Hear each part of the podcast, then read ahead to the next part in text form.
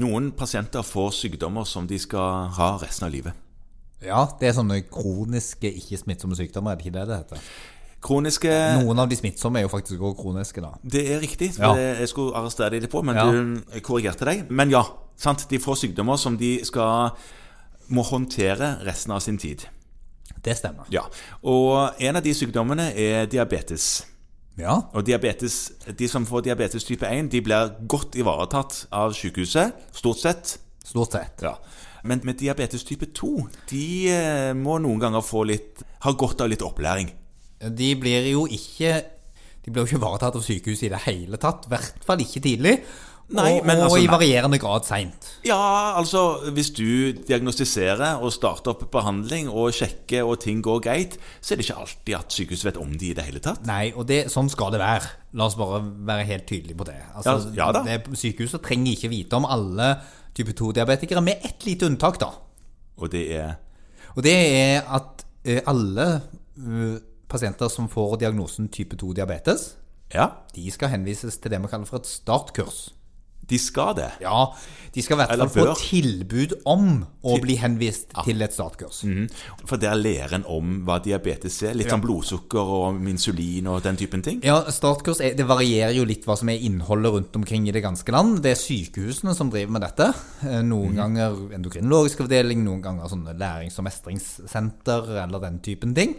Og, og innholdet er litt forskjellig, men i all hovedsak så handler det om god informasjon om hva sykdommen er, om blodsukkermåling, det er ernæringsopplæring, det er snakk, de snakker om trening og levevaner. Ja. Eh, Går typisk over en dag, noen ganger to. Ja. Og så er det en annen positiv effekt med det, det er at man treffer jo da andre som har fått diagnosen diabetes. ja. Som, som litt sånn utveksling av erfaring og sånne ting. Ja. Så er det et par ting vi kan skyte inn her, da. og Det er det at dette tilbudet varierer litt rundt omkring. Ja, altså, jeg ser jo for meg at hvis du som fastlege plutselig kommer på at oi, dette er jo en type 2-diabetiker som jeg ikke har henvist til startkurs, da kan den startfasen for den enkelte bli noe lang. Ja, det, og det er da noen av våre endokrinologivenner som sier det, at det er noen som, som kommer seint til startkurs, men, men de er litt sånn på heller seint enn godt.